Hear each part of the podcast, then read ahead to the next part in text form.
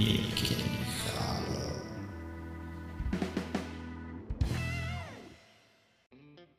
Z nagrywaniem kolejnego pod podcastu weszliśmy w teren. Co prawda jesteśmy e, wewnątrz agroturystyki, malowane wierchy, ale za chwilę wyjdziemy e, na pole, e, w najpiękniejsze rejony Beskidu Niskiego. Jesteśmy w Gładyszowie u pani Sylwii Madzuli-Pach i pana Kazimierza Madzuli. Dzień dobry. Dzień dobry. Porozmawiamy dzisiaj o pszczołach z panią pszczelarką z dyplomem, który ma zaledwie garstka ludzi w Polsce i z panem pszczelarzem z doświadczeniem, którego nie jeden może pozazdrościć. Em, ile pszczelich rodzin mieszka w państwa pasiece?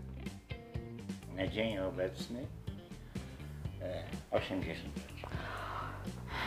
Kiedy na pana działce powstał pierwszy ul? Kiedy stanął pierwszy ul? Ile to już lat? Pół wieku. Pół wieku. Pół wieku. No i jak się chowały pierwsze pszczoły? Nie ma porównania tamtego na okres czasu, a dzisiaj. Pierwsze pszczoły były e, złośliwe. Trzeba było się dobrze do nich ubrać. Te, które pierwsze stanęły na działce, a były to pszczoły przyniesione z lasu. Z dziupli w drzewie wycięte i przeniesione. Takie dzikie, tak? Trochę. No nie takie dzikie, bo generalnie dzikich pszczół już dawno w Polsce nie ma, bo to zostało udomowione poprzez wieszanie barci, udrążenie y, tej barci i, i wieszanie w lesie czy na drzewie, czy pszczoły jak się wyroiły, to, to wyszukiwały same sobie swoje pomieszczenie i tam zagospodarowały to pomieszczenie i tam bytowały. Niemniej jednak znowu to pomieszczenie było dostosowane do, do ich potrzeb i znowu się roiły, dzieliły dzieliły dzieliły. Tak to, tak to by to wyglądało. A co jest najtrudniejsze w pracy pszczelarza? Dla takiego, jakby to wytłumaczyć żółtodziobowi? Powiem tak. Najtrudniejsza rzecz na dzień dzisiejszy to poznanie całej biologii pszczoły, rodziny pszczelej. Nie samej pszczoły, tylko całej rodziny pszczelej. Żeby wiedzieć, co się dzieje w ulu, nie trzeba zaglądając do ula, tylko wystarczy stanąć przy wylotku. Jak pszczoła wchodzi, to ja się orientuję, co tam się dzieje w ulu. Nie muszę wcale do niego zaglądać. Natomiast młody pszczelarz, no jest chęć otwierania tego ula. Częste zaglądanie. Natomiast tak jak ja, z doświadczeniem nie, półwiecznym, to y, nie otwieram często, a zwłaszcza rodni, bo zepsu, otworzenie ula, wyciągnięcie ramki, oglądnięcie z jednej i z drugiej strony, tam temperatura jest 36 stopni, a na zewnątrz, no choćby nawet było 30, to tej pszczole jest zimno i momentalnie psujemy mikroklimat. Ona po nas musi naprawiać w granicach dzień do półtora dnia. Jak tam im wszystko poprzestawiamy, to musi to po nas naprawić. Po swojemu musi być to zrobione. Czy da się tego nauczyć? Pani Sylwio, pani skończyła szkołę. Czy da się tego nauczyć, czy to przychodzi z doświadczeniem? Znaczy, no biologii pszczoły jednej da się nauczyć, tak? Bo to są jakby suche fakty. Ale takiego nasłuchiwania, No, tak? Natomiast właśnie y, to praktyka, doświadczenie y, robi, robi wszystko, że tak powiem. No bo właśnie obserwacja, ula, wylotka, y, przyrody, właśnie y, pastwiska pszczelego, czyli tych pożytków, y, no to, jest właściwie najważniejsze też, prawda? No bo co z tego, że masz pszczoły, jak one nie mają pożywienia, tak? To jest, to jest ważne, żeby poznać biologię, przyrodę, obserwować ją. Natomiast to, co tata powiedział, że nie można otwierać e, ula zbyt często, no to po prostu ja na początku, a muszę powiedzieć, że ja się całe życie bałam pszczół. Dopiero po prostu pewnym momencie jakaś szufladka się otworzyła i otworzyłam się też ja na te pszczoły. No to ja byłam zafascynowana tym, że mogę po prostu wziąć do ręki, podnieść patrzeć się, to, po, to się patrzy jak w ogień, można się gapić, gapić, tak? No to jest y, świetne. Na początku w sumie to nie wiedziałam na co się patrzeć, tak? No ale później właśnie tata mi po kolei mówił, to wtedy jeszcze nie byłam mm, dokształcona. Tata mi po kolei mówił, na, na co się trzeba zwracać uwagę wiosną, później latem, no i tak dalej, prawda? No więc to jest bardzo ciekawe, no i no, doświadczenie i miejsce, w którym żyjemy. O, bo No właśnie, u Was już w Gorlicach powiedzmy mniszek przekwitł, u nas dopiero zaczę, zaczął, do, teraz nektaruje. Zobaczymy po dzisiejszej nocy, bo był przymrozek u nas. A więc bo to, że kwiaty kwitną, to nie znaczy, że nektarują, bo musi być odpowiednia temperatura. A mówił Pan, że pszczoły, pszczołom jest zimno, jak tak wyciągamy ich z tego ula, a czy pszczołom może być za ciepło? Jest taki Tak. czas? Tak, I jak one się ochładzają? przynoszą wodę. Zbieraczki przynoszą wodę do ula, spryskują ramki i pszczoły, pszczoły ulowe wentylują, wyprowadzają parę wodną z ula, a para wodna zabiera ciepło. Okej. Można to idealnie zaobserwować. No dzisiaj, dzisiaj tego nie będzie widać. Natomiast przy paru dniach upalnych, rano jak przyjdziemy pod ul, to na środku wylotka jest stróżka mokra. E, Pszczoły ulowe potrafią wyprowadzić wilgoć całkowicie z ula. To jest idealny organizm. Y, No, chyba po mrówkach jest to najbardziej taki Super organizm. Mało powiedziawszy, że nawet superorganizm. To jest. No, dla mnie to jest określenie super, to troszkę za mało. Za to mało. Jest mega. Mega. okej. Mega super. mega super rodzina. Bo tam nikt nie rządzi. Tam Mhm. rządzi rodzina. Nie rządzi tak jak u nas mąż, żona, prawda? Tylko tam rządzi rodzina. Nie królowa. Królowa też nie królowa. rządzi. Nie, nie. Królowa to wręcz jest więźniem. Okej. Tak, można i tak powiedzieć. Ale królowa e, wydziela coś takiego, daje odpowiedni perfum. Tak by to można było powiedzieć, ale to się nazywa feromon. Ona wydziela feromony i cały ul przechodzi tym zapachem. Gdy braknie tego zapachu, to pszczoły zaczynają się mrowić. Czyli nie mają królowej, nie mają matki pszczelej. I wtedy one e, ratują się, zakładając mateczniki. No i potrafią sobie same wyhodować tą królową. No, no, się tak zdarzy. Przy przeglądzie nie zauważy, przyciśnie ramka do ramki i, i potrafi zgnieść królową. No i nie ma.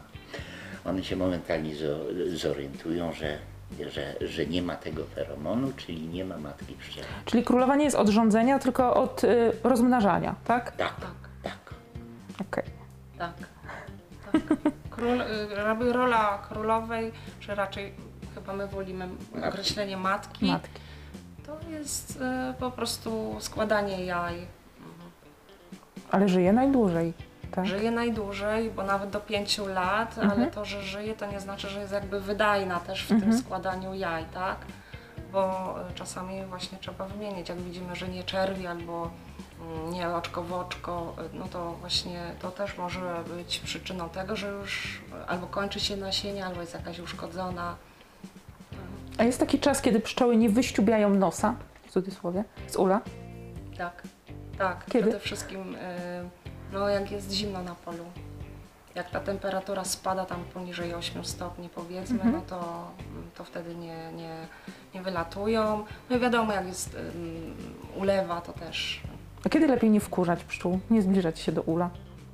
Bo tak normalnie przecież możemy przejść, tak? No nic nam się nie stanie, jak tam... Tak, to też teraz, y, no, znaczy my tutaj jakby y, mamy rasę pszczół krainkę, czyli taką jakby lokalną z dawien dawna, można, ale wiadomo, że ona jest genetycznie trochę zmieniana, bardziej taka łaskawsza dla nas, nie- mniej żądli powiedzmy, czyli spokojniejsza.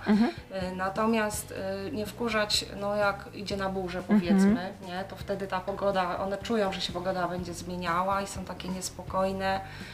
E, no jak nie, nie, jak nie ma pożytku, czy nie mają co zbierać, to one są wtedy też takie mm, wkurzone, nie? Chciałyby, ale nie mają co I- e, a- zbierać. Mhm. A dlaczego mówimy, że ubiegły rok był kiepski dla pszczelarzy? Z czego to wynika? No wynika z tego, że wiosna była zimna. Czyli to nie Tak musi być aż mniejsze. taka dramatycznie niska temperatura, tylko po prostu jest zimniej i one wtedy nie są zainteresowane, Jestem tak? zainteresowane, bo tak jak w zeszłym roku mniszek, e, no kwitł, ale nie nektarował, bo po prostu nie miał warunków Mhm. do tego, tak? No to no jeszcze powiedz. Temperatura, albo ja. Temperatura przy, Jezu. przy nektarowaniu mniszka, temperatura w dzień winna oscylować w granicach 22-24 stopni i w nocy w granicach 10-12 stopni. To wtedy mniszek nie nektaruje. A tak to on przestanie nektarować. On co z tego, że on się otworzy, piękny, piękny kwiat, pszczoła weźmie tylko pyłek z niego. Natomiast, natomiast y, nektar y, nie bierze, bo go nie ma. A ubiegły rok, czego był taki zły, ostatnie trzy lata są złe. Jest to przyroda, daje nam. Myśmy są pszczelarze tylko i wyłącznie uzależnieni od przyrody. To, co przyroda nam daje, to to mamy. I rok ubiegły przykładowo, albo były straszne upały, gdzie y, y, nie nektarowało nic, bo przy dużej y, suchości powietrza, bym tak to nazwał, kwiaty czy roślina broni się, traci turgor, prawda, wilgotność i nie daje nektaru. Przez to się broni. Natomiast znowu przyszły deszcze, jakby był troszkę tego nektaru, to by go wypukały. I nie było co. I ci pszczelarze, tak jak po tej zimie, którzy mówią, że no rodziny pszczele mam bardzo słabe, w zimie y, albo nie przezimowały. Główna przyczyna to było to, że w jesieni były, były źle pszczoły przygotowane do zimy. Bo małe miało pierzgi, bo nie było pyłku kwiatowego. Nie miały z czego zebrać. Młoda pszczoła, która y, lipiec, sierpień, to ta pszczoła zimuje. Natomiast w tym okresie czasu był okres bezpożytkowy. I ten pszczelarz, który widział lub y, nie y, znał, że to ich karmił, Po prostu. to ich karmi, Dokarmianie. żeby matka czerwiła. Bo jak nie będzie pożytku, to pszczoły, pszczoły nie wytwarzają mleczka pszczelego, a ona się odżywia tylko i wyłącznie mleczkiem pszczelim. Jak ją ka- przestaję karmić mleczkiem pszczelim, to ona automatycznie składa mniej jaj. Jak składa mniej jaj, to się wylęga mniej pszczół. Mleczko. To jest mleczko pszczele w żywieniu matki. Natomiast jak było tych mało pszczół, to im młodej pszczoły, no to nie miał kto tego mleczka produkować. Okej. Bo było mało pszczół młodych, a młoda pszczoła tylko i wyłącznie y, produkuje mleczko pszczele. Mleczko pszczele to jest najlepsze, co produkują pszczoły? Bo miód nie jest jakby najlepszym, tak? Co dają pszczoły? Tak, z tym, że, z tym, że mleczko pszczele, pozyskiwać mleczko pszczele jest to bardzo, a bardzo, a bardzo pracochłonne. W efekcie I bardzo, dlatego- bardzo drogie by Tak. było to. Dlatego jest to bardzo drogie. W Natomiast odpowiedniej temperaturze transportować, jak Tak. wysyłki są robione, tak, to już zwykły taki pszczelarz, zwykły pszczelarz nie da sobie z tym rady, z pozyskiwaniem dla siebie. O, Tam y, zabiorę matkę, przykładowo to, to taka dygresja, bo ciekawostka, zabierę matkę na dwa dni, one mi założą mateczniki ratunkowe, bo wiedzą, że nie ma matki, założą, podlewają tą, to, te, y, tą komórkę. komórkę, gdzie y, chcą wyhodować matkę pszczelą i tam jest bardzo dużo mleczka pszczelego i wtedy pszczelarz sobie wyłamuje i odżywia się. Natomiast, Będzie eliksir- długowieczny. Tak. natomiast eliksirem życia, e, bombą życia jest pierga. Też jest to pracochłonne i tak dalej, ale, ale e, gdy e, pszczelarze dowiedzieli się od naukowców, bo naukowcy badali tą pierzgę, co tam jest w tej pierze, jak zbadali, że tam jest ponad 400 bardzo łatwo przyswajalnych składników dla naszego organizmu, to pszczelarze zaczęli się tym interesować. Z tym, że znowu zaczyna być, jest to też e, stosunkowo drogie, ale niemniej jednak pomocne w leczeniu niektórych chorób, wręcz nieodzowne. Ja mam takie przykłady, bo my w pasiece pozyskujemy pierzgę i mamy pierzgę, to z klinik, z krakowskiej klinik profesorowie, no, bierz pierzgę, wspomagaj się pierzgą. To ci nie zaszkodzi. Może Powiem- tylko pomóc. Powiem y, tak, że y, w tej pierce przy leczeniu zwykłej anemii, a zwłaszcza młode panie jak Mhm. urodzą, prawda, to dostaje anemię, bo jest słabo odżywiona, bo musi dać pokarm dziecku i tak dalej, bo i, to nieodzowne wtedy leczenie to jest pierzką. Pierzka zawiera e, duże ilości żelaza między innymi i jest ono bardzo łatwo przyswajalne. I co ważniejsze, z pierzgi żelazo jest przez nasz organizm wykorzystywane nawet do 94%, a z tabletki syntetyku jest wykorzystane 8 do 12%.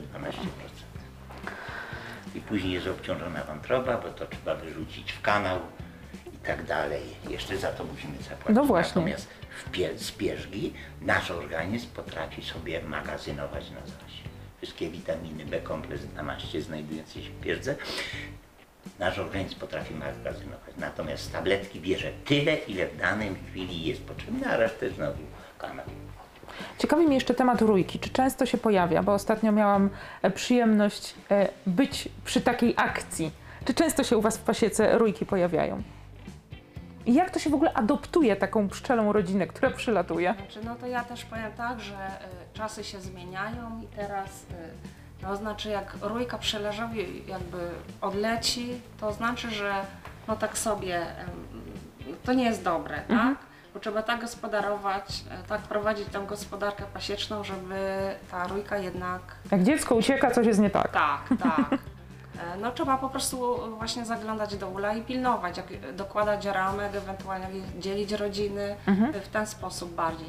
Bo tak zebrać obcą rójkę, no to mm, też nie jest takie, mm, jakby to powiedzieć, mm, Różnie może potem być, tak? różnie może Tak. być, bo pszczoły chorują. O.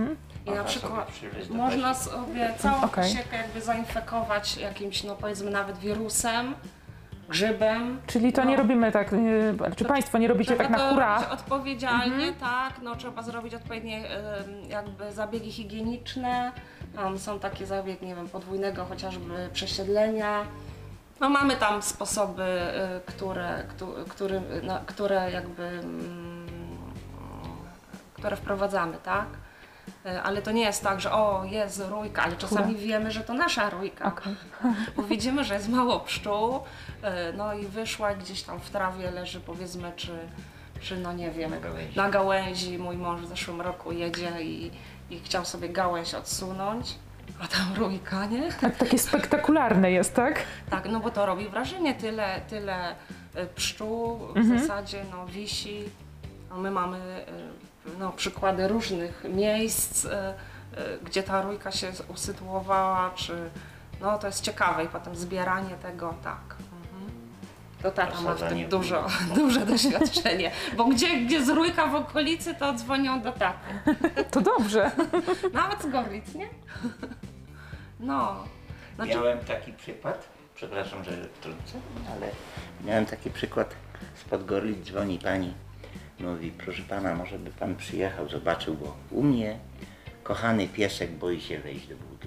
Osy latają, przeszkadzają mu, on się boi. Ja mówię, no to ja specjalnie nie będę jechał 20 kilometrów, ale przy okazji jak będę tu zaglądam. Przyjeżdżam, pies z jednej strony, ja patrzę, no pszczoły są. Psiej budzie pszczoły. Przyleciała rójka, tam się osadziła. Jego nie było akurat, tam, tak. y, y, Tam sobie wy- wybrały i no ale zebrałem tą rójkę, zabrałem i piesek się uspokoił. Wróćmy jeszcze do miodu. Ile, jakby, ile kosztuje pracy pszczoły zebranie kilograma miodu? Bo to jest bardzo ciekawe, że ta pszczoła przez całe życie zbiera bardzo niewiele tego miodu, tak? Bardzo niewiele i nie przez całe życie, to trzeba No. zaznaczyć, bo pszczoły są, dzielą się jakby takie, życie pszczoły dzieje się na dwa okresy można powiedzieć. Mhm. Jedno w ulu i drugie poza ulem, częściowo też w ulu, ale wte- od 20 dnia jest pszczoła dopiero lotna, Mhm. czyli tylko ona zbiera mm, nek, najpierw nektar, który jest jakby przetwarzany, przerabiany przez nie w ulu na miód. Mhm. No ile zbiera? No to powiedzmy mm, jedna trzecia pszczół w ulu to są pszczoły lotne, tak? Mhm. No i one powiedzmy maksymalnie tak się jakby z obserwacji do 3 kilometrów, żeby Mhm. w ogóle to było efektywne, to najlepiej by było, żeby tak do półtora, no maksymalnie 3 kilometrów latały po ten pożytek, tak? Mhm. No bo i latają, muszą Wracają. zebrać sobie do wola. Y, y, To wole jest maleńkie, to, to, to jakiś tam odsetek albo dziesiątka milimetra sześciennego, tak? Mhm. To możemy sobie wyobrazić. Ta pszczoła oblatuje ile kwiatków? Żeby, za, 50 do 150 w ciągu jednego lotu Mhm. Żeby wraca, napełnić tą żeby wolę. napełnić tą wolę. Wraca, już też wykorzystuje to, co zebrała, bo musi mieć energię, żeby Mhm. wrócić, tak? Więc to raz. No jest tych pszczół, ile by można, ile lata, tak razy oko, jak mamy powiedzmy 30-tysięczny, taki średni, jak w naszym terenie 30 30 Mało. tysięcy pszczół, taki teraz może takie są jeszcze, nie? No Niektóre. teraz, ale jest No, tak to na... powiedzmy 10 tysięcy pszczół lata. Tak? No. Oko, około, bo to tak nie można powiedzieć dokładnie 10 No tysięcy wiadomo, około około. to wszystko jest Około. około, nie? No i one przynosi tą kropla, ale to jest kropla nektaru.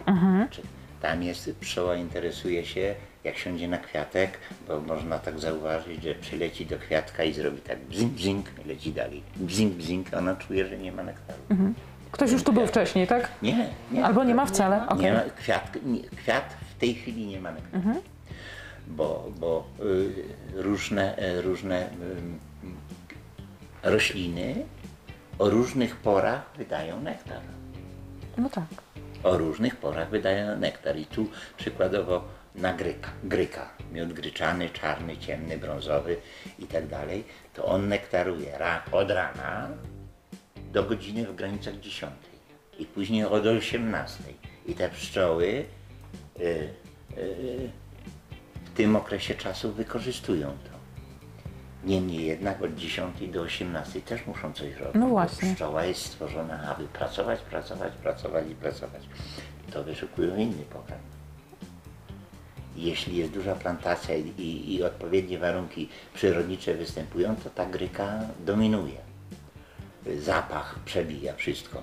Natomiast ona w tym okresie czasu przynosi również tak zwany miód wielokwiatowy. Czyli on nie będzie później tylko gryczany, tak? Nigdy nie ma gatunku, jedynie spać. Jak jest spać intensywnie, intensywna jodłowa, to można powiedzieć, że tam nie ma nic. Natomiast jeśli, y, jeśli dana roślina danej chwili przestaje nektarować, to pszczoła przenosi się na inną roślinę, wyszukuje i przynosi nektar do ula. I wtedy jest to ten miód wielok, wielokwiatowy. Natomiast żeby nazwać miody odmianowe, przykładowo lipowe, to no, pszczelarz doświadczony mniej więcej, mniej więcej się orientuje, natomiast najpewniejsze zrobić sobie analizę pyłkową. Zawartość pyłku w miodzie, jeśli jest ponad 50%, to można nazwać miodem Odmianowym. odmianowym. Tak. A jaki miód cieszy się największym zainteresowaniem? No trochę tata to powiedział, że y, w zasadzie u nas w Beskidzie Niskim mm, każdy miód jest świetny, taki pełen aromatu, jest inny niż z, nie wiem, z Wielkopolski, bo przez tą bioróżnorodność, którą tutaj mamy. Więc one zbierają z tych różnych kwiatków i jest taka pełnia aromatu, po prostu odkręcasz słoik i już widzisz, że to jest super miód, a, a, a właśnie kub, kubeczki jakby smakowe mm, dopełniają tego, jak spróbujesz, bo ja z racji tego, że skończyłam tą szkołę, to mam różnych znajomych i wymieniam się miodami i, i, no, i oni, oni sami mówią, że czuć różnicę. I na nasz, nie wiem czy na korzyść y, pszczół, pewnie trochę też, y, na pewno. U nas nie ma tych upraw wielokultur, wielo, wielo takich obszarowych, monokultur, prawda, jak są rzepaki. No to one, biedne pszczoły, muszą cały czas rzepak, rzepak, rzepak, rzepak, czyli ich dieta jest uboga w inne składniki, tylko po prostu ten nektar z rzepaku, tak? No ale wiadomo, że jak są hektary rzepaku, no to, To są zrobić? litry miodu, nie? Też później, nie? No to jest coś za coś. Mm, No ale u nas zawsze my czekamy oczywiście na spać. I chyba to jest... Jest spać na klonach już teraz, tata mówił. Więc y, jak nie będzie intensywnych deszczy, to może I mrozu i taki mrozu. A jak rozpoznać, czy miód jest prawdziwy? To są różne szkoły. Różne szkoły i teraz y, no, trzeba właśnie wiedzieć, że miód jest jednym z trzech y, pro, się- No jakby produktów spożywczych najbardziej fałszowanych, tak? Więc są tacy specjaliści, e, że to- głowa mała. Po pewnym czasie prawda to jest, że mm, prawdziwy miód po prostu krystalizuje. Krystalizuje, to nie ma opcji, każdy, nie, może nie każdy, y, ale y, miód prawdziwy krystalizuje, te miody wiosenne y, szyb, bardzo szybko krystalizują, im późniejszy, tym no, ten proces krystalizacji dłużej trwa, ale przeważnie do roku każdy skrystalizuje, w sensie te późniejsze. Y, Czytałam też o takich metodach, że jak na łyżeczkę się nabiera, to ma być górka. Słupki, powst- tak, taki, ta, ta, taki On jest gęsty taki, że tak? stożek, ale, ale mm, zesz, przykład zeszłego roku. Dzwoni do mnie właśnie nasz gość mówi Sylwia, macie spać? Ja mówię, no nie mamy, musisz sobie sama tam e, zorganizować. Mhm. No i poszła w Krakowie na bazar i kupiła miód, nie, no nie będę mówiła, ale z sąsiedniej krainy, tak to powiem. Okej. I kupiła 8 słoików i dzwoni do mnie i mówi Sylwia, ja kupiłam ten miód, ale on mi się coś nie podoba. Ja mówię, no to przyjeżdżasz, przyjedź, przywieź, ulej trochę, nie? No i po prostu to już po pierwsze etykieta. Na etykiecie muszą być podstawowe rzeczy. Kto sprzedaje, numer pasieki, numer weterynaryjny pasieki, numer RHD, bo właściwie jak jest taki no-name, to gdzie potem uderzyć, No tak? właśnie. A tak przynajmniej masz jakąś szansę powiedzmy tej reklamacji, tak? No ale wracając do tego miodu, no otwieramy ten słoik i ja mówię, no taki skrystalizowany karmel, nie wiadomo co to jest, nie? I poszłam do taty, mówię, masz wąchaj. Ale patrzymy, nie? Stożek był. Stożek był, więc, y, więc są specjaliści już. Okazało się później, że, że moja, właśnie mój gość y, mówi, Sylwia, ale ja jem takie ta, tabletki, to pachnie jak tymianek i podbiał. Czyli no taki zapach po prostu i faktycznie, nie? Więc no to, to jest trudny temat. My sprzedajemy tylko miód, y, a w zasadzie mm, jak mamy, to, to wręcz są zapisy na ten miód. No nie, nie mamy jakichś wielkich ilości, tak? Bo to, że mamy no sporo jednak tych pni, to nie znaczy, że mamy tego miodu nie wiadomo ile, bo bazujemy na tym, co jest w przyrodzie, tak? To jest y, robota w pasiece, to jest robota na pełen etat, nie? Cały rok. Tak, Przy Tak, takiej... cały rok. Bo Cały nawet w zimie, mimo że pszczoły są w kłębie, bo pszczoły nie śpią, tylko są, mają zbity kłąb, kłęb, to y, tata naciąga ramki, zbija ramki. A słychać w zimie, że coś się tam dzieje? Jak jest się w pobliżu, czy nie? No można z tego wziąć słuchawki, Okej. okay. przyłożyć. Jak, jak śniegiem zazwyczaj, czapa śniegu. Tak. Pszczoły w okresie zimowym są w hibernacji. Temperatura na zewnątrz, proszę sobie wyobrazić, minus 30, a wewnątrz ula musi być utrzymana temperatura tam, gdzie jest matka w kłębie. Kłąb to jest kula średnicy w granicach 20-25 cm. I tam musi być utrzymana temperatura 18 stopni. W Nie zimie jest 18 właśnie. nie mają ogrzewania podłogowego, kaloryfera, tylko spożywając pokarm, który tam winien być, spożywając pokarm, ruszając tak szybko mięśniami od włoka, że wokół siebie powoduje te drgania ogrzewanie powietrza. A że ich tam jest masa, no to ta temperatura jest utrzymywana. Natomiast jeśli temperatura spada, to na wiosnę pszczelarz po oblocie otwiera ul i ogląda i widzi, że nie ma czerwiów. Albo jest czerw trutowy, czyli oznaka, że matka została przeziębiona.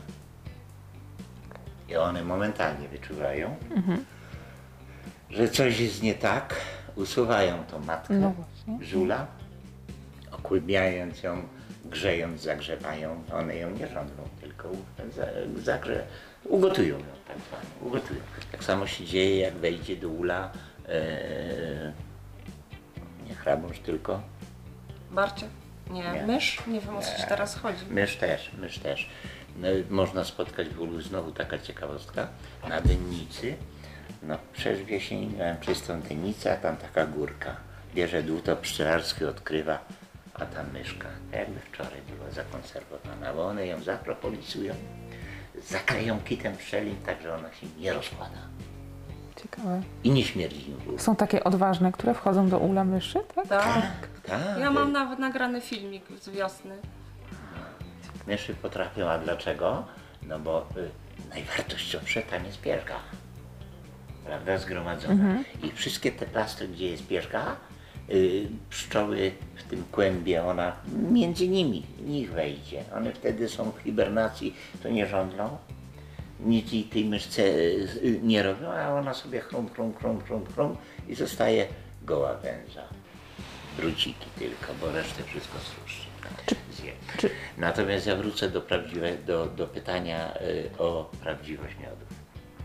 Y, dawno pszczelarz, pszczelarza, nawet w sądzie był zwolniony od przysięgi, bo mówił prawdę. On swoich produktów nie oszukiwał.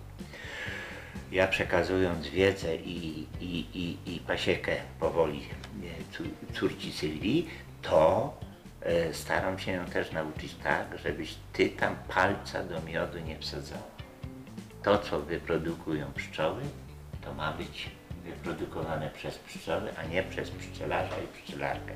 Ty im pomóc w okresach bezpożytkowych, małymi dawkami dokarmiaj, miodu ci nie zafałszują, bo to pójdzie na bezpośrednie spożycie, natomiast miód zostanie, nie zjedzą tego miodu, bo, bo znowu tak trzeba dopowiedzieć, że pszczoły, rodzina pszczela w ciągu roku zużywa od 90 do 110 kg miodu na swoje życie, potrzeby.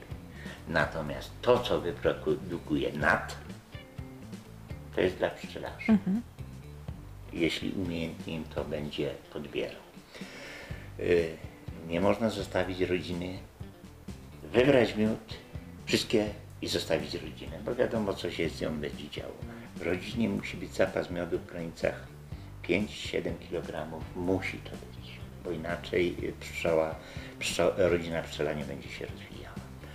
Y, Największymi y, żaraczami miodu są trutnie.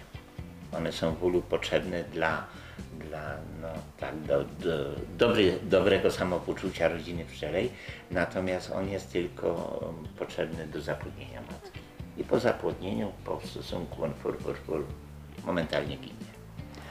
Y, Niemniej jednak w rodzinie pszczelej jest w granicach 800-1000 trutni w każdej rodzinie. On potrzebuje chrum, chrum, chrum codziennie.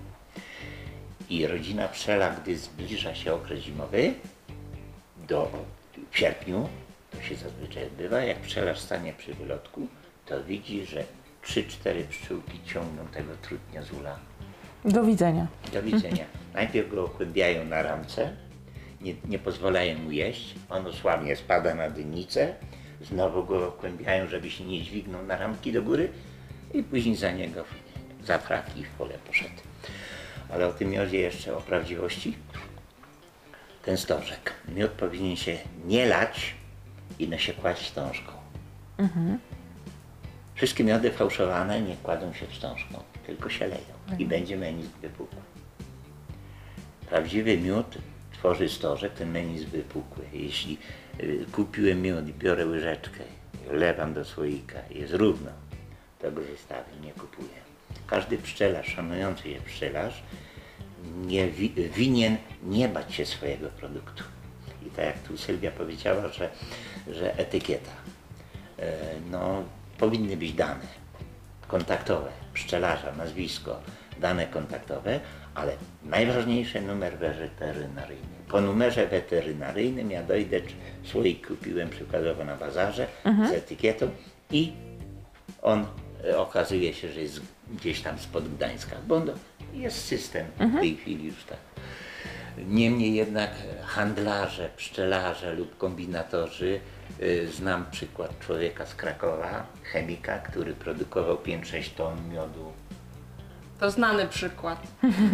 Ostatnio był w, te, y, w TVN program o fałszerzu miodów, jak to Sylwia powiedziała, y, z sąsiedniej krainy, gdzie mojego kolegę y, podrobił etykietę i sprzedawał w Nowym Targu w Zakopanem miód. Wszystko się da. Zgłoszony na policję, efekt był taki, mała szkodliwość czynu. I odstąpili od, od, od dochodzenia. Niemniej jednak to, i to będzie nagminne, bo miód, prawdziwy miód w tym roku będzie drogi.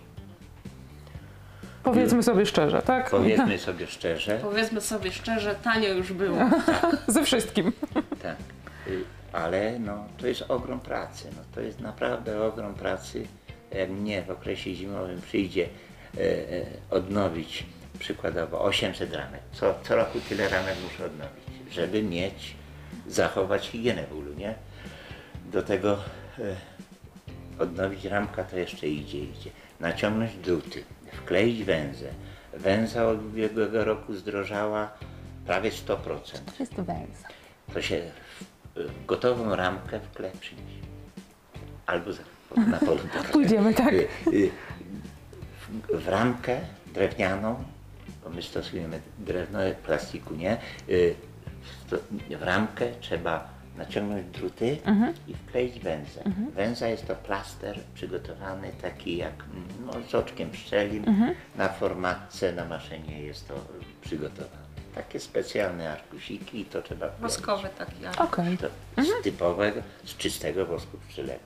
Natomiast, że znowu to jest droże, d- y, drogie, to znowu jest próba podrobienia. Podrabiają wszystkim.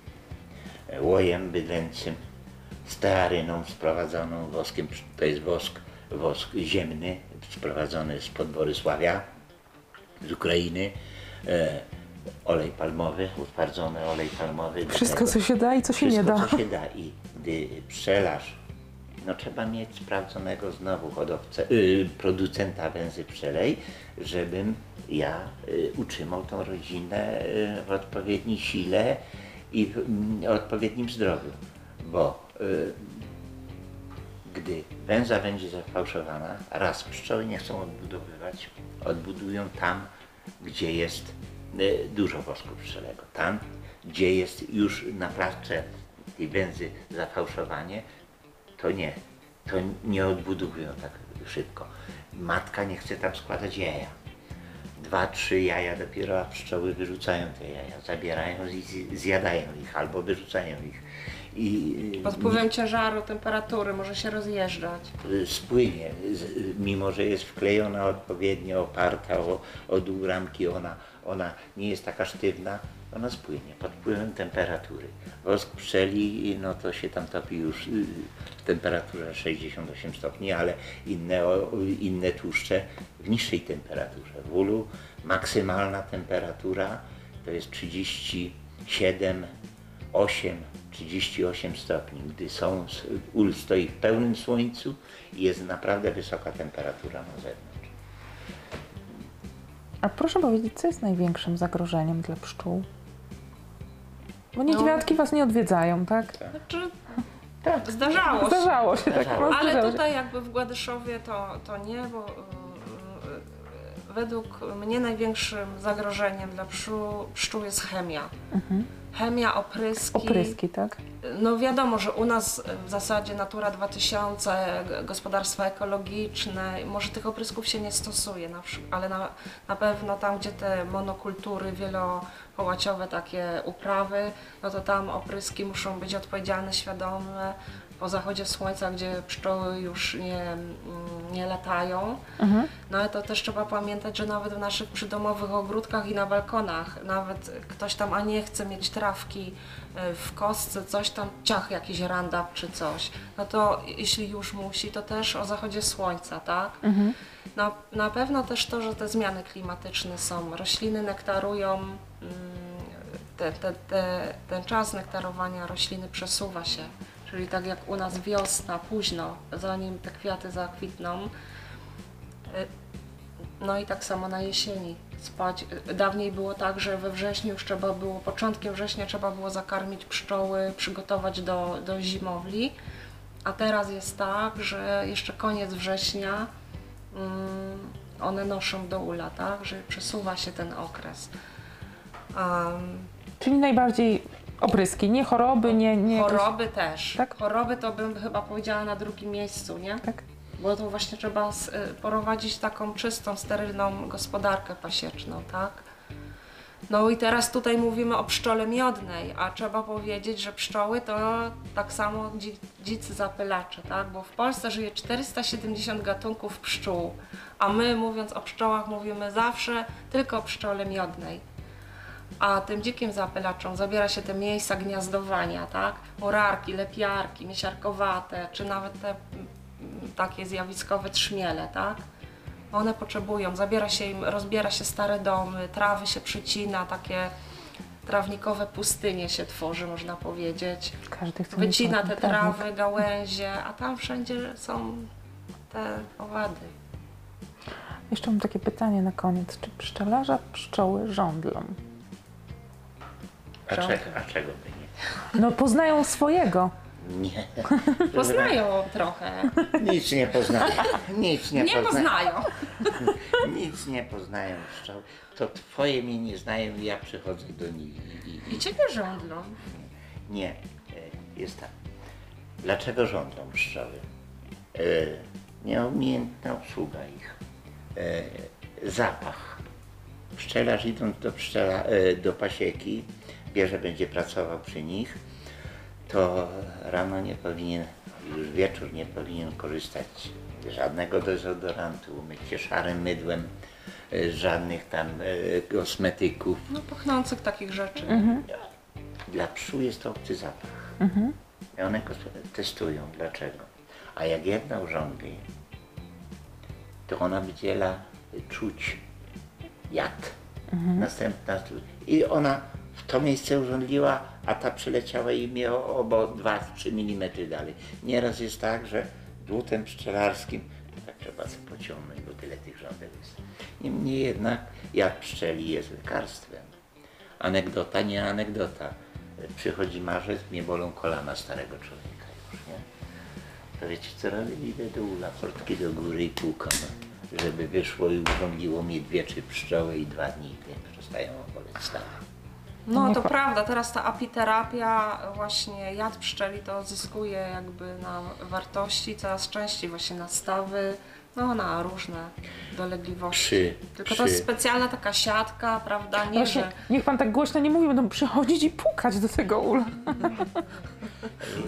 Sylwia jest już namówiona i nie wiem, czy się uda im w tym roku domek do apiterapii postawić, żeby oddychać powietrzem ulowym. A zwłaszcza, a zwłaszcza ci ludzie, którzy przeszli COVID, mają scharatane płuca. E, powietrze ulowe jest zbawienne. Jest zbawienne. E, dlaczego?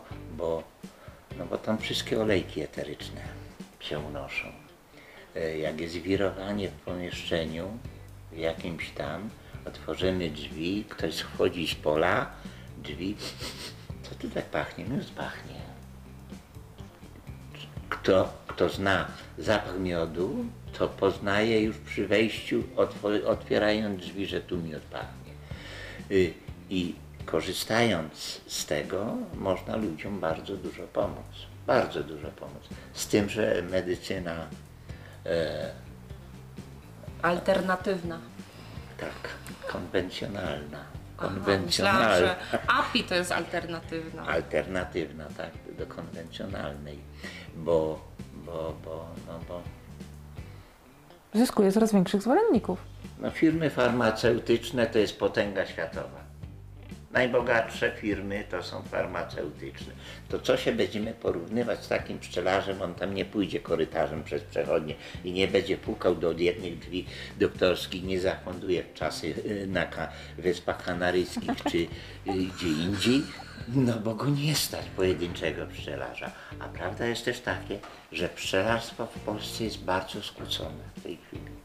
Bardzo skłócone. A co skłóciło? Dotacje unijne skłóciły. Czyli kasa, kasa i jeszcze raz kasa.